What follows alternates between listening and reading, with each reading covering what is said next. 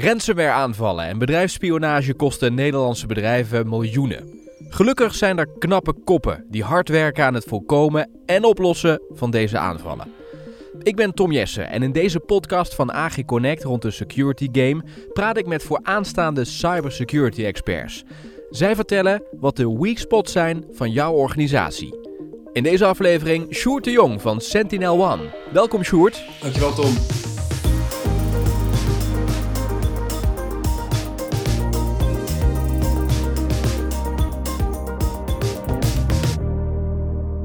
We gaan het hebben over de verschillende cybersecurity aanvallen en wat je daartegen kunt doen. Ehm, eerst maar eens eventjes dat, dat eerste punt. Uh, wat voor ontwikkeling zie jij in uh, het type aanval op dit moment? Ja, um, nou wat we eigenlijk zien is dat, en dat zien we al een tijdje gaande, dat, er, uh, dat we van de meer klassieke type aanvallen, waarin we het hebben over virussen en zaken die je kunt voorspellen, als het ware, gedragingen die je kunt voorspellen, uh, dat we naar de wat meer geavanceerdere aanvallen gaan. En die ook wat meer gericht zijn op de slachtoffers. In plaats van uh, wat ik wel eens noem, uh, dat er een soort van geschoten wordt met hagel in de hoop om iemand te raken. Dus, dus dat is een, een, een typisch fenomeen. Um, en wat we ook zien is dat de voorspelbaarheid, daar had ik het net al eigenlijk ook een beetje over, dat de voorspelbaarheid van aanvallen echt dramatisch zakt. Waardoor, je, ja, waardoor een behoefte is aan andere, andere detectiemethodes, als het ware. Dus dat is een beetje de trend die we zien. En natuurlijk is ransomware nog uh, ontzettend aan, aan de orde van de dag. Dus we zien met name als we het hebben over de COVID-situatie. Ja, daar zie je enorme opkomst in, in ransomware. Die groei zat er sowieso al in. Maar je ziet een enorme extra opkomst van, van ransomware aanvallen. Omdat ja, bedrijven wat, wat kwetsbaarder zijn ineens. Exact. Wat betekent deze ontwikkeling voor organisaties en met name ook voor, voor het IT-team van organisaties? Ja, ja, zeker als we doorgaan op, op de situatie waar we nu eigenlijk in, in, in verkeren. Hè. Iedereen die thuiswerkt bijvoorbeeld. Wat je met name ziet is dat de thuiswerkplek, dat het duidelijk de Achilleshiel van de organisatie is geworden. Je ziet dat de organisaties ontzettend mooie gelaagde aanpak hadden gerealiseerd op kantoor en op het datacenter. En allerlei middelen hadden geïnstalleerd en geplaatst om uh, zoveel mogelijk aanvallers buiten de deur te houden. Uh, maar die vallen zo'n beetje allemaal weg op het moment dat iemand thuis gaat werken. En dat is een serieus risico.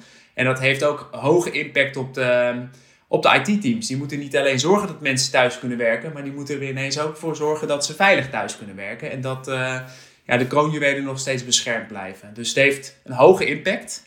En um, de zichtbaarheid is dramatisch gedaald op uh, wat er allemaal gebeurt op die, uh, op die thuiswerkplekken.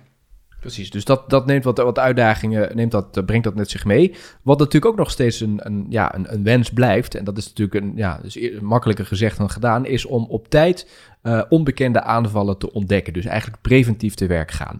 Um, waarom is dat belangrijk om, om, om dat vooral te proberen? Ja, wat ik, wat ik uh, zojuist al even benoemde is dat aanvallers uh, die lijken veel meer tijd te besteden in de voorbereiding. Dus um, er valt ook meer te halen vaak. Um, de, de data is uh, zowel in ransomware aanvallen als uh, datadiefstal bijvoorbeeld is veel meer waard zou je kunnen zeggen. En het is eenvoudiger voor ze om, om te bemachtigen.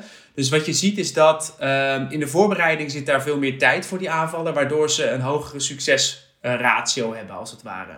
En de, de, het levert ook meer op. Uh, als je ziet nou, wat voor type ransomware aanvallen we bijvoorbeeld hebben gezien in de laatste periode, maar ook uh, de diefstal van intellectueel eigendom rondom bijvoorbeeld COVID-vaccins. Um, ja, dat is waardevol en daardoor levert het ook meer op om, om daar meer tijd aan te besteden. En als je dan over die onbekende aanval hebt, um, je ziet dat veel, veel van de maatregelen die getroffen zijn door organisaties, dat die met name gefocust, gefocust zijn op uh, voorkennis. Oftewel beschermen tegen iets wat we al een keer hebben gezien. Nou, er zijn natuurlijk uh, voorbeelden van ja, legacy antivirusoplossingen met virusdefinities en dergelijke. Dat werkt allemaal op basis van iets wat al een keer eerder is gezien. Maar ook veel van de modernere gedragsgebaseerde oplossingen die proberen eigenlijk uh, een aanval op basis van uh, een patroon wat ze eerder ergens hebben gezien te detecteren. En dat werkt niet meer. Want die patronen die worden, ehm, ja, die worden steeds anders. Aanvallers gaan anders te werk. En je kunt niet meer zozeer op een op een voorgedefinieerd patroon gaan herkennen. En dat is dus, dus een zwakte eigenlijk in, die, uh, in die, die huidige strategie die heel veel organisaties voeren. Um, ja, dus, dus ja, dat is wel een belangrijk uh, punt waaraan gewerkt moet worden door de meeste organisaties om ook die, die meer onbekende aanvallen te kunnen detecteren. Onbekende methodes. Exact. En eventjes om in het hoofd te kruipen van zo'n hacker. Hè? Wanneer is een organisatie en met name ook de kroonjuwelen die die organisatie heeft interessant? Zijn daar bepaalde ja, uh, richtlijnen voor waarvan je kunt zeggen: oké, dat vinden ze sowieso interessant, daar richten ze zich op? Of is dat heel verschillend? Ja, het enige goede antwoord daarop is: het hangt ervan af. Uh, het punt is namelijk, uh, je kunt een. Uh, kijk, grofweg zou je twee lijnen kunnen schetsen. De ene lijn is, we versleutelen de, versleutelen de boel waardoor een productie bijvoorbeeld niet meer werkt. of een ziekenhuis niet meer goed kan opereren. Of een, ja, een hele, een hele production plant bijvoorbeeld stil ligt. Dat kost de organisatie heel veel geld. En daardoor is het ze ook veel waard om, om te herstellen. Uh, maar als het gaat om, om intellectueel eigendom of bijvoorbeeld onderzoeksresultaten, uh, ja, daar, daar zijn vaak andere actoren bij gemoeid. Dat zijn niet de standaard cybercriminelen, maar dat zijn vaak bijvoorbeeld statelijke actoren. En die, ja, die zijn op zoek naar informatie waarmee ze zelf bijvoorbeeld, hè, in, in, uh, als we COVID-vaccins aanhalen om een, zelf een, beter type vaccin te bouwen, bijvoorbeeld. Of die zijn op zoek naar de onderzoeksmethodes die gebruikt zijn. Dus daar gaat, zit een hele andere type waarde in. Uh, maar in de, uh, in de algemene zin geldt, en als we het dan over ransomware hebben, dat elke organisatie data heeft die op het moment dat het niet meer benaderbaar is, uh, desastreuze gevolgen heeft voor de productie van de organisatie en daarbij dus veel waard is. Ehm, dus, dus het is niet echt goed te kenmerken, maar elke organisatie weet eigenlijk voor zichzelf wel, of zou in ieder geval voor zichzelf moeten beoordelen, gewoon welke type informatie is voor ons cruciaal, op welke manier moeten we dat beveiligen. Uh, en op welke manier moeten we ervoor zorgen dat die, dit soort type aanvallen ons niet kunnen gebeuren, bijvoorbeeld. Om, exact. En als de productiviteit dan... gaande te houden. Exact. En als we het dan hebben over die onbekende aanvallen, uh, hoe ontdek je dan zo'n aanval? Ja, door vooral niet op patronen te gaan focussen. Uh, want het punt is namelijk, de meeste oplossingen die zijn gefocust op het, ja, op het herkennen van methodes die eerder zijn gezien, zoals ik eerder aangaf.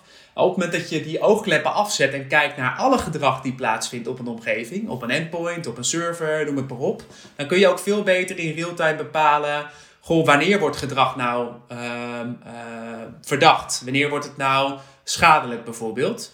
Uh, want als je alleen maar pro probeert patronen te herkennen, dan, dan kan het zijn dat je nieuwe patronen helemaal niet gaat herkennen, omdat je ze nog niet weet. Maar op het moment dat je nou wegingsfactoren gebruikt, zeg van nou, dit gedrag is nu nog normaal, uh, maar de som van alle gedragingen die we zien, die wordt ineens uh, niet oké. Dan kun je er live op inspringen. Uh, zonder dat je voorkennis ehm, nodig had, als het ware, voor, voor het herkennen van dat gedrag. Het is een beetje een moeilijke omschrijving, maar ehm, als ik hem zou moeten samenvatten, zou ik, zou ik willen zeggen: zorg ervoor dat je ehm, gedrag en bestanden, virus en dergelijke, kunt herkennen zonder dat je er voorkennis voor nodig hebt. Dus autonoom.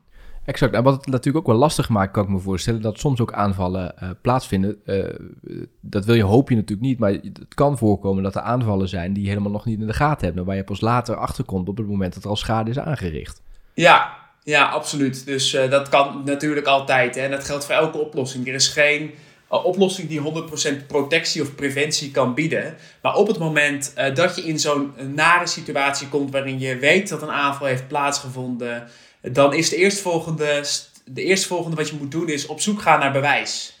En dat is niet alleen voor de verzekeringsmaatschappij, want dat is met name de reden waarom er incident response cases bijvoorbeeld uitgevoerd worden. Maar dat is ook om te kunnen bepalen, wat is de schade voor onze eigen klanten bijvoorbeeld. Hè? Voor, je, voor, voor jouw klanten als organisatie.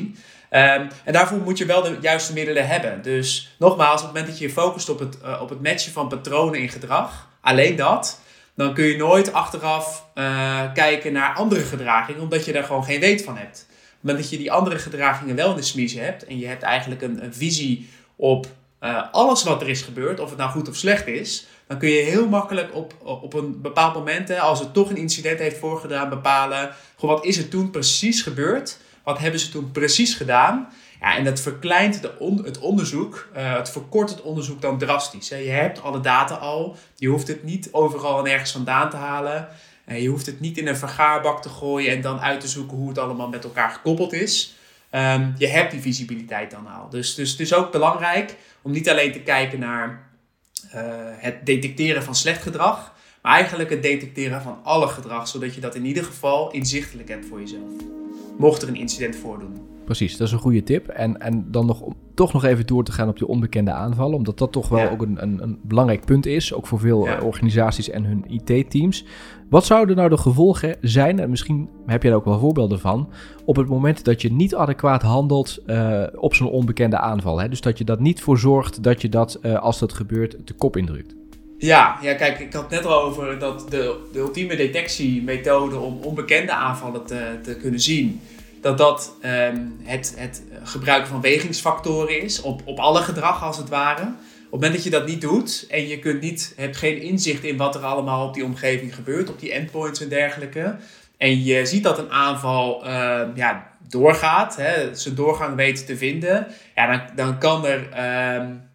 En dan kan er ontzettend veel uh, ja, gebeuren op dat moment. Het hangt er net even vanaf wat, uh, uh, wat de aanvaller voor ogen heeft. Maar om een paar voorbeelden, voorbeelden te noemen. We hebben heel recent een ontzettend grote vulnerability gezien in, in Exchange servers. Mensen die hun mailservers op, op, op hun eigen omgeving hosten, als het ware. En de eerste stap die zo'n aanvaller heeft genomen was niet zozeer het, het, hack, eh, het volledig encrypten van de, van de hele boel of ransomware loslaten, wat dan ook. Nee, ze hebben gewoon een backdoor geïnstalleerd. Dus ze hebben gewoon een deurtje geïnstalleerd waarover ze in een later stadium naar binnen kunnen komen om iets te doen. Um, op het moment dat je dat alleen dan niet detecteert, dan kun je het de vervolgactie ook niet gaan detecteren. Dan heb je geen idee van, oké, uh, wat uh, als er echt schade wordt aangericht, wat is er dan precies gebeurd en wat zijn de ge gevolgen? En als je het niet kunt detecteren, kun je het ook niet tegenhouden op het moment dat het gebeurt. Dus eh, dat is een voorbeeld van, en in dat geval van, van die exchange vulnerability. En we hebben het afgelopen jaar uh, ook breed uitgemeten in het nieuws um, de vulnerability bij SolarWinds gezien. Dat is gewoon een softwareleverancier. Een totaal nieuwe manier van een aanval. Ze hebben zich niet op de klantomgevingen geïnfiltreerd, maar ze zijn, ze gaan, ze zijn gaan infiltreren op de ja, softwareontwikkelingsafdeling uh, van de leverancier van de software. Daar hebben ze hun code ingezet. En vervolgens is die code is gedistribueerd naar alle klanten van die, van die, van die uh, uh, ontwikkelaar. En het punt daarachter is, dat wordt vaak gewoon vertrouwd. Dus die software wordt vertrouwd. En zodoende wordt het ook niet ge, ge, gematcht met patronen of iets dergelijks. En alles wat er eigenlijk uit voortkomt is in orde. Daar komt het eigenlijk op neer. En Um, het, het, cruciale punt bij zo'n aanval was, het, het, uh, het, het, viel of stond met, uh, kan het antivirus, de antivirusoplossing op zo'n endpoint, kan die uitgeschakeld worden binnen zo'n aanval? Want dat was het hele punt. Uh, de eerste stap die tijdens die aanval werd genomen, is niet zozeer het aanvallen van het hele systeem, maar het proberen uit te schakelen van de beschermingsoplossing die op het endpoint draait. Dus een ander cruciaal middel is weet je, de oplossing die je kiest, je moet ook nog eens heel sterk zijn in het beschermen van zichzelf. Niet alleen de machine, maar ook het beschermen van zijn eigen software. En dat was in dit geval echt cruciaal. En we weten dat, dat we daar, uh, voor de, de, organisatie waar ik voor werk, dat we daar erg sterk in zijn geweest. En dat dat heeft voorkomen dat überhaupt stap 2 heeft plaatsgevonden. En dat het helaas niet voor alle organisaties die voor andere oplossingen hebben gekozen geldt. Uh, dus het gaat niet alleen om het herkennen van gedrag wat uit, uit software en dergelijke voorkomt, uh, voortkomt, maar het gaat ook om hoe goed bescherm je eigenlijk je eigen oplossing. Uh, ja, exact. En, en dan is het natuurlijk ook interessant, want je brengt eigenlijk op de manier zoals jij nu schetst in kaart waar de risico's zitten en, en mm. de weg die een hacker bewandelt, dus ook de nieuwe wegen die zij hebben bewandeld. Dus dat, ja. dat zet, dat zet zo'n hacker ook in ieder geval voor het blok op het moment dat hij dat weer probeert. Dus dat is slim. Zou je nou ook uh, door dit zo in kaart te brengen kunnen denken als een hacker? Um, en uh, vervolgens kunnen doorredeneren wat als deze weg doodloopt en niet lukt, voor die hacker dus, wat een andere alternatieve route zou zijn, zodat je die ook meteen kunt afsnijden. Ja. Ja kijk, dat is in principe wat we red teaming uh, noemen in, in, in, deze wereld. En, uh, en het, een organisatie doet er goed aan om eens in de zoveel tijd, of eigenlijk in een continu proces, zijn eigen omgeving te challengen. Dus dat kun je door penetratietesting laten doen en dergelijke. Maar dat kun je vaak bij grote organisaties zie je dat we ook interne red teams hebben, hebben als het ware. Waarin gewoon continu alle security maatregelen onder de loep wordt genomen. En die mensen die worden specifiek gechallenged om door de loopholes en door de, door de, door de uh, doolhof van uh, security maatregelen te infiltreren en alsnog schade aan te richten. Of in ieder geval tot een punt te komen waarop ze schade aan zouden kunnen richten. Dus ik zou willen zeggen, buiten dat je uh, security maatregelen implementeert, challenge je eigenlijk ook je, je gelaagde security aanpak. Kijk inderdaad, ofwel extern ofwel intern, hoe goed is die oplossing nou eigenlijk? Uh, die we, hoe goed is die, uh, zijn de maatregelen nou eigenlijk die we hebben geïnfiltreerd? En, en, op die manier kom je inderdaad snel achter, ja, zijn, zijn er dingen die we hebben gemist bijvoorbeeld inderdaad. Wat als iets niet lukt, kan het dan wel op een andere manier? En daarmee ja, verhoog je absoluut je, je security posture als het ware. Door jezelf erbij blijven challengen. Zou dat absoluut willen meegeven. Twee punten die ik er nog eventjes uit wil halen. En die gaan jullie ook uh, bij de security game bespreken jullie die ook. Uh, dat is namelijk aanvallen met AI en machine learning. Aan wat voor zaken moeten we dan denken? Ja, het is niet zozeer uh, topic. kijk, natuurlijk zijn er ook steeds meer aanvallers die artificial intelligence gebruiken om een aanval te doen. Hè. On the go, als het ware, het virus laten muteren, zou ik willen zeggen. andere aanpak laten kiezen. Maar waar wij met name naar kijken vanuit dit topic, is hoe wij machine learning en artificial intelligence gebruiken in onze producten om, um, om um, ja, onbekende aanvallen eigenlijk uh, te kunnen weren. En het belangrijkste punt daarin is dat wij hebben gekozen in onze uh, aanpak om de oplossing die we implementeren, dat is een agent op een endpoint als het ware, dat die voorgetraind is met alle mogelijke middelen om gedrag en uh, om autonoom gedrag en bestanden te kunnen detecteren. Dus zonder voorkennis te hebben. Dat doet hij uh, op het endpoint uiteindelijk door, ja, door gebruik te maken van artificial intelligence. Dus hij, we hebben de agent zo getraind dat hij denkt als een mens. Uh, eigenlijk nog slimmer als een mens zou ik willen zeggen. En in real time kan detecteren, gaat dit de goede kant op of gaat dit de slechte kant op. Dus dat is met name waar we het in de security game over gaan hebben. Hoe bescherm je nou je omgeving zonder afhankelijk te zijn van voorkennis? Dat is de, de samenvatting die ik daaraan kan, uh, kan geven. Exact. En daarbij is ook belangrijk dat je er constant eigenlijk 24 uur per dag, 7 dagen in de week, 365 dagen in het jaar bovenop zit. Ja, nou dat, de, de oplossing moet voor je werken. Dus uh, wij vinden eigenlijk dat de oplossing reactief moet zijn. Dus als, als je een, een oplossing implementeert, dan moet die oplossing jou op de hoogte stellen van het feit dat iets je aandacht nodig heeft. Maar wij pleiten wel voor autonomie uh, in de bescherming. Dus wij willen wel dat een oplossing in staat is om proactief en actief op, het, um, op dat endpoint, op het moment dat er iets gebeurt, meteen kan ingrijpen. En jou op de hoogte stelt als jouw aandacht daarbij nodig is, bijvoorbeeld. Het zorgt er ook voor dat de load op die uh, toch al niet makkelijk te verkrijgen security uh, uh, employees, als het ware medewerkers, dat die niet te hoog is. En dat ze zich met name kunnen focussen op hoe kunnen we nog beter beveiligen. In plaats van hoe kunnen we uh, die oplossing in stand houden. Want dat, dat zou niet het geval moeten zijn. Dus wij pleiten eigenlijk min of meer de andere kant op. Reactieve oplossingen implementeren, zodat je niet continu je oog op het glas hoeft te houden om in de gaten te houden of het nog goed gaat. Dus, uh, dus dat, is, dat is waar onze oplossing voor staat. Hmm. Um, Laatste punt, en dat is denk ik ook interessant om te zien, dat is de ontwikkeling in de markt. En dan bedoel ik niet de, de, de, de vraagkant, maar de aanbodkant. Dus wat er om jou, wat, wat jullie als organisatie, maar wat ook organisaties om jou heen, waar die nu opspringen en waar die mee bezig zijn. Zie je daar een bepaalde ontwikkeling die ook aangeeft welke kant uh, we opgeven en waar dus ook risico's zitten? Uh, ja, ja, als je ziet in onze markt, dan zie je dat de spelers van endpoint security, dat die met name uit twee hoeken komen. Uh, we hebben de oldschool spelers die al twintig jaar geleden een antivirusoplossing hadden.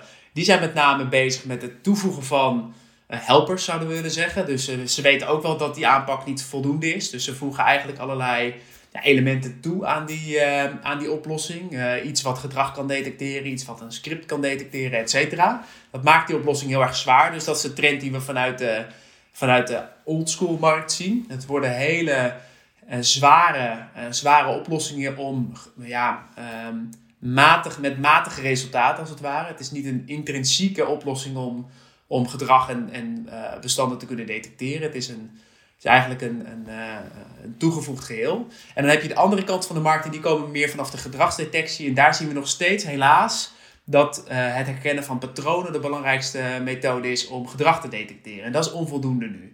En waar we nu, waar we nu en waar Sentinel One zich ook bevindt, dat is een geconvergeerde markt. Dus echt de markt waarin je zowel bestandsgebaseerde virussen als het ware, als gedrag kunt detecteren zonder daarbij voorkennis nodig te hebben. Dus op een, op een autonome manier zonder enige voorkennis. En wij hopen eerlijk gezegd dat, ja, dat zich daar meer bij aansluiten natuurlijk. En dat zie je op zich ook wel. Maar dat gaat nog wel relatief traag. die, die slag die wordt relatief traag gemaakt. En die, die hebben wij gelukkig al een tijdje geleden ingezet. Dus, maar dat is wel een beetje de trend. Hoe komt het dat dat zo traag gaat? Ja, als je op eenmaal op een bepaalde strategie hebt ingezet, dan is het heel lastig in deze vendormarkt als het ware om daar vanaf te stappen. Je bent namelijk gestandardiseerd op een bepaald, uh, ja, bepaalde basis. En om daar volledig vanaf te kunnen stappen, zie je heel vaak dat uh, de fabrikant een ander product in de markt zet en dat weer aan elkaar probeert te koppelen. Of dat er overnames plaatsvinden om toch die technologie toe te kunnen voegen. En daar, daar krijg je enorme monsters ontstaan daar als het ware uit. Die voor, of voor de klant niet meer goed, uh, goed te beheren zijn. En meerdere, meerdere management interfaces.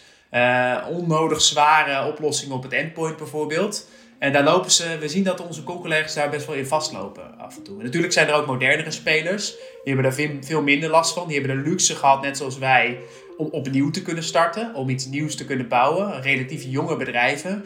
En de, de trend is dat die toch wel, um, uh, wij en onze collega's ja, feitelijk wel de markt aan het, beginnen te domineren. En dat is, dat is, niet, um, dat is niet gek op zich. Dat, uh, dat is gewoon de reactie van de technologie. Oké. We zijn weer heel wat wijzer uh, in deze 20 minuten geworden. Dank daarvoor, uh, Sjoerd. Uh, dank voor jouw update, Sjoerd van Sentinel One. En heel graag tot de volgende keer. Yes, top.